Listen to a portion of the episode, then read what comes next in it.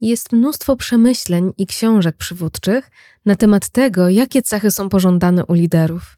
Ja natomiast chciałabym się skupić na pięciu głównych grzechach liderskich i opowiedzieć o tym, czego na pewno lider nie powinien robić.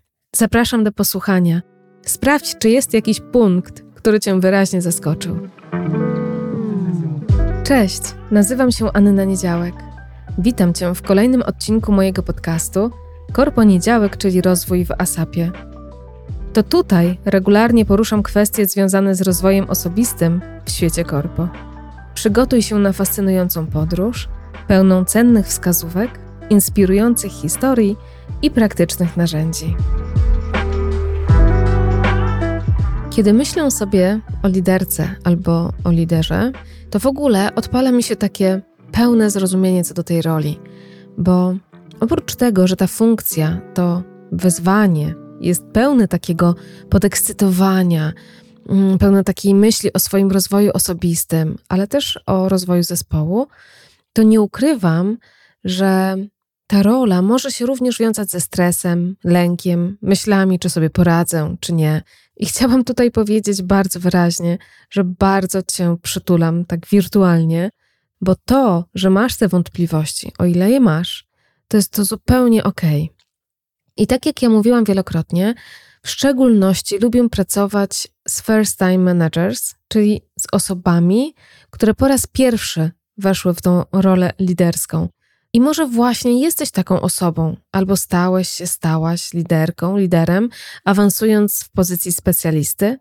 I prawdopodobnie wtedy największą Twoją zagwostką jest to, jak teraz współpracować z ludźmi, którzy jeszcze chwilę temu byli Twoimi koleżankami bądź kolegami, chodziliście razem na przerwy kawowe do kawiarenki i obgadywaliście całe otoczenie, Wasze szefostwo.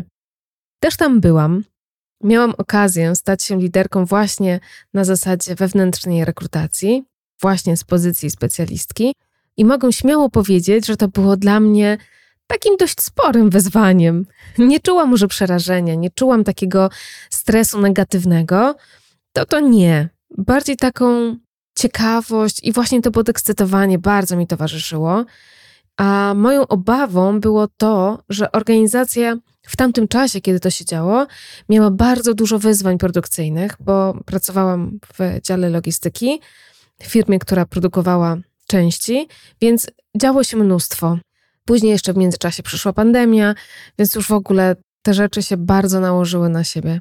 Więc nie byłam do końca przekonana, na ile mogę się stać taką świadomą liderką, a na ile taką osobą, która ma za zadanie tylko właśnie robić raporty, analizować zapotrzebowanie od klientów i przedstawiać te wyniki na spotkaniach wewnętrznych z menadżerami.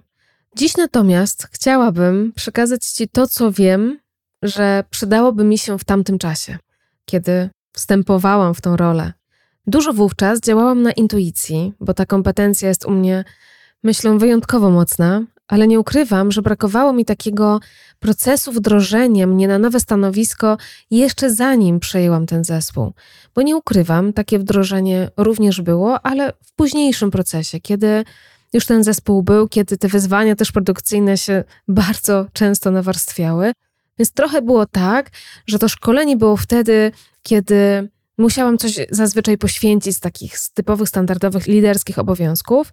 I to nie było dla mnie komfortowe. Mm, to, że musiałam patrzeć na telefon, że nie mogłam się całkowicie wyłączyć, a myślę sobie, że gdybym miała taką możliwość przejść pewne nauki, że tak powiem, zanim przyjęłam ten zespół, na pewno byłoby to bardziej pomocne i bardziej takie wspierające w tym takim dość wyjątkowym dla mnie czasie, nie ukrywam.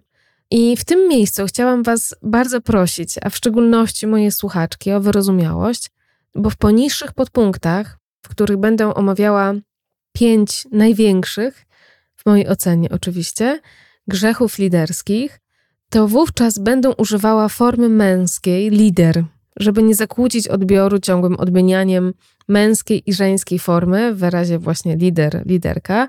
Myślę, że niejednokrotnie dałam do zrozumienia, że feminatywy są mi bardzo bliskie, chociażby poprzez fakt, że sama tytułuję się coachką, trenerką, mentorką, tym niemniej zachowam formę lider jako rola w organizacji, a nie lider jako mężczyzna i jeśli tylko lider, to tylko mężczyzna może być liderem i już kobieta nie może być. Nie, nie, nie. To jest w ogóle bardzo dalekie od e, moich przemyśleń.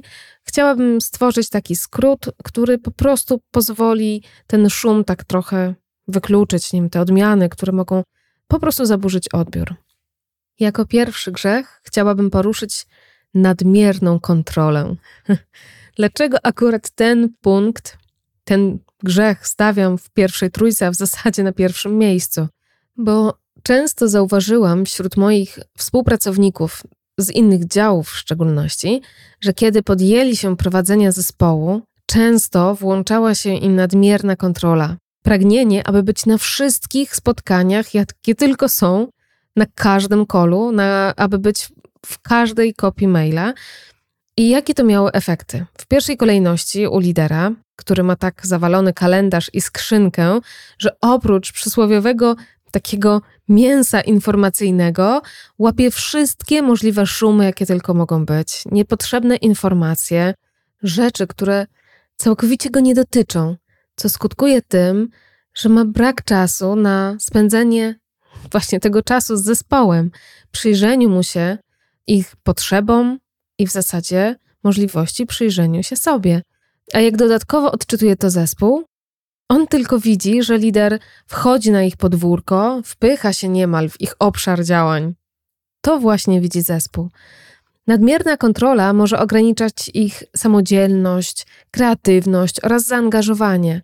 Zespół będzie czuł, że ma w zasadzie brak autonomii, odpowiedzialności za zadania, co jest łatwą drogą do frustracji, demotywacji i spadku efektywności w pracy.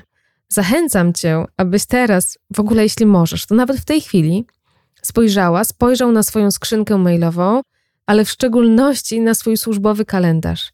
I żebyś wyrzuciła, wyrzucił te czynności, na których naprawdę nie musisz być osobiście. A rozwiązaniem do tego może być wykluczenie tego grzechu drugiego, czyli brak delegowania zadań. To jest grzech numer dwa. Czy jesteś liderem, który wszystko robi sam? Taką Zosią Samosią?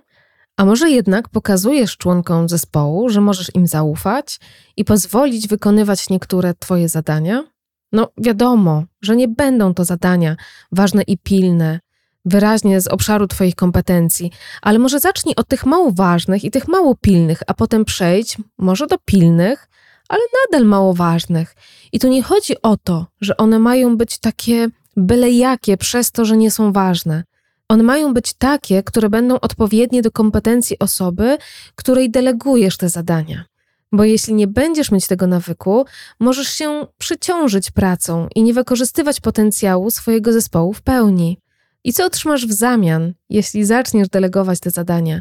Prawdopodobnie spokojną głowę w trakcie urlopu, co jest, myślę, na wagę złota, bo kiedy zespół nauczony zaufania przejmie te obowiązki, które muszą być wykonane w trakcie Twojej nieobecności, poczujesz bardzo duże odciążenie po powrocie i dzięki temu szybciej odnajdziesz się w zastanej po urlopie rzeczywistości.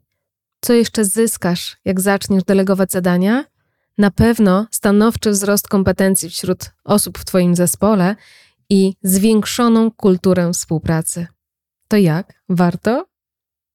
A teraz trzeci grzech brak chęci do budowania dobrych relacji, przez lidera oczywiście.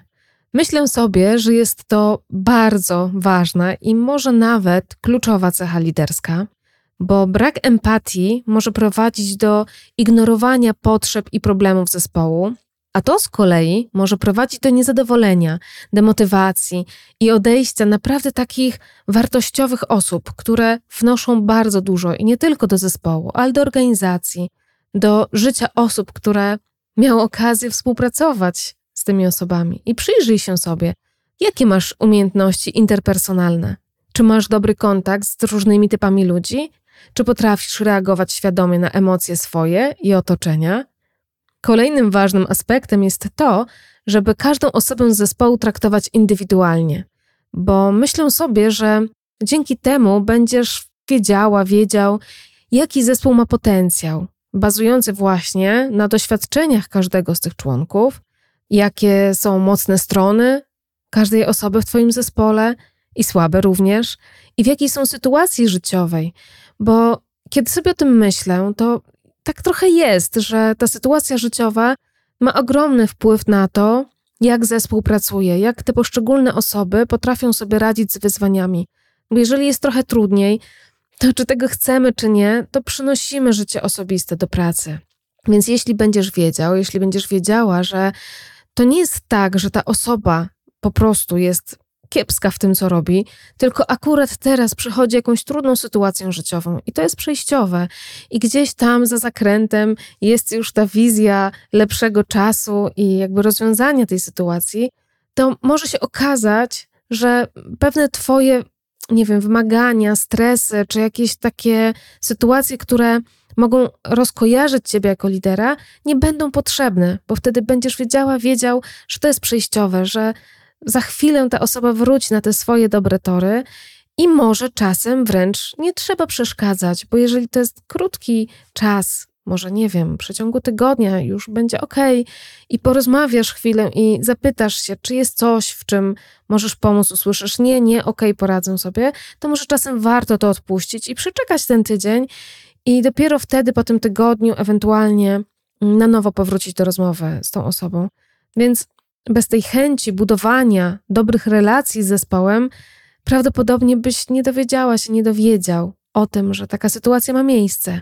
I na pewno dobre relacje wspierają atmosferę pracy, opartą przede wszystkim na współpracy i wzajemnym wsparciu, bo wtedy, kiedy ta komunikacja jest również wewnątrz tego zespołu, to zespół też sam siebie wspiera. Może się okazać, że w jakimś wyzwaniu życiowym może pomóc ktoś inny z tego zespołu.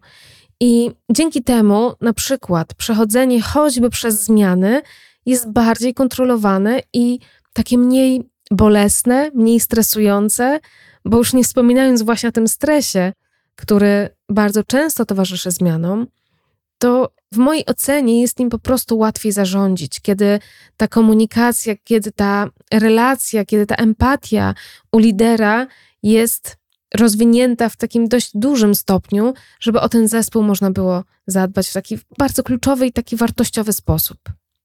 Wspominałam już o komunikacji w międzyczasie budowania dobrych relacji w grzechu trzecim.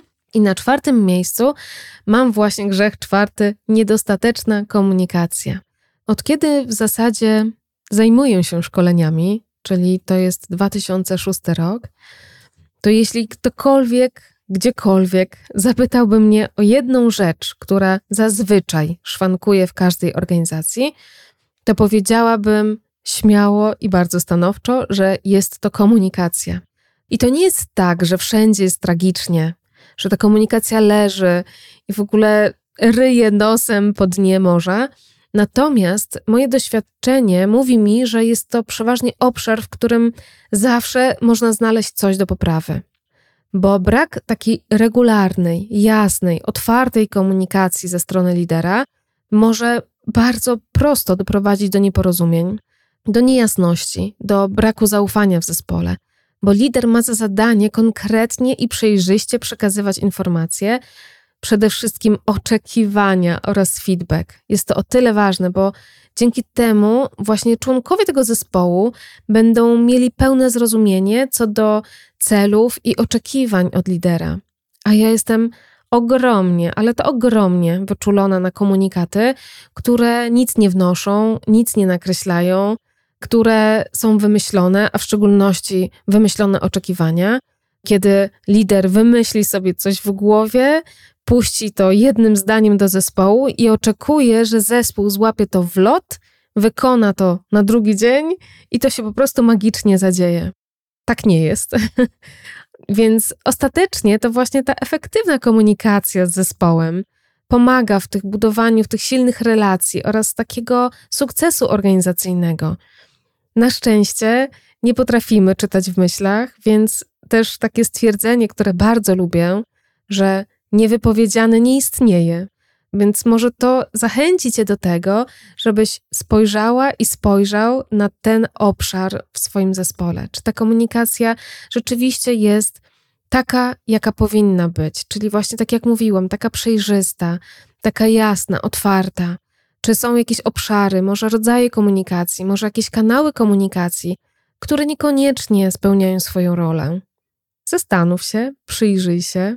Myślę, że to będzie bardzo ciekawa lekcja dla ciebie i też dla zespołu, bo ważne jest to, żeby zespół również pracował nad tymi formami komunikacji, żeby to też nie było tak, że lider wymyśli sobie dzisiaj piszemy na WhatsAppie, jutro piszemy na Messengerze, a w środę na Snapchacie.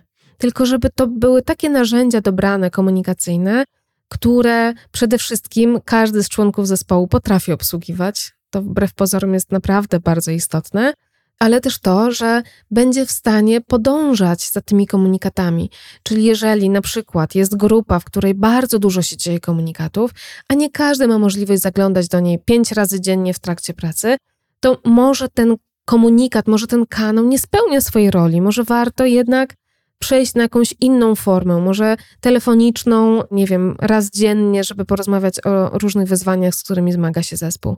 Więc bardzo Cię zachęcam do tego, żebyś przyjrzała, przyjrzał się swoim kanałom komunikacyjnym, jakie masz ze swoim zespołem i czy tam naprawdę wszystko tak działa, jak powinno. I na końcu zostawiłam taki rodzynek, bardzo ważny grzech piąty brak chęci do dalszego rozwoju. Lider, który nie dba o ciągłe doskonalenie siebie i swojego zespołu, może pozostawać w tyle za konkurencją i nie radzić sobie w dynamicznym środowisku biznesowym. Bo brak chęci do dalszego rozwoju może prowadzić do stagnacji, do braku innowacyjności, ale myślę sobie, że takim najgroźniejszym efektem braku chęci do dalszego rozwoju jest właśnie przede wszystkim wypalenie zawodowe, czyli coś, co nie tylko ciebie, liderze, wykańcza psychicznie, ale również fizycznie, bo kiedy dochodzą już objawy psychosomatyczne, które ja również miałam i które również przeżyłam, to naprawdę to nie jest to nic, co mogłabym polecić. Więc liderze, jeśli nie będziesz się rozwijać, to możesz sobie pomóc w drodze do wypalenia zawodowego. Bo zauważam taką zależność, że jeżeli lider nie będzie chciał poznać siebie, swoich mocnych i słabych stron, to nie pójdzie do przodu ze swoim rozwojem przede wszystkim. A patrząc pod kątem zespołu, stale rozwijający się lider też może służyć za wzór, inspirując też innych, resztę zespołu do tego, aby podążać za własnymi celami rozwojowymi. Czy ma to dla Ciebie sens? Bo ostatecznie lider, który stale się rozwija, może być bardziej pewny siebie, autentyczny i gotowy na wyzwania, które niesie ze sobą ta rola. I możesz to zrobić na przykład za pomocą szkoleń, różnych szkół czy kursów, a także w trakcie sesji z coachem czy mentorem.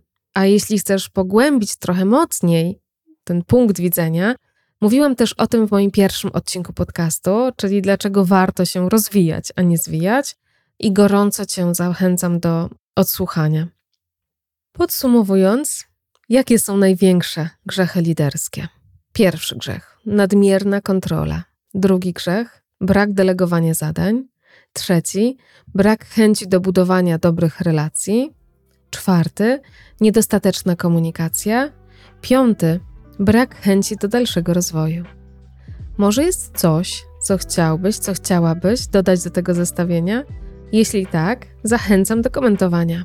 A jeśli czujesz, że jest coś, w czym mogłabym Ci pomóc, czy to w kwestii szkoleń dla organizacji, czy rozwoju osobistego, pisz śmiało, zapraszam do kontaktu. Tymczasem, liderko, liderze, trzymam za Ciebie bardzo mocno kciuki i do usłyszenia za tydzień.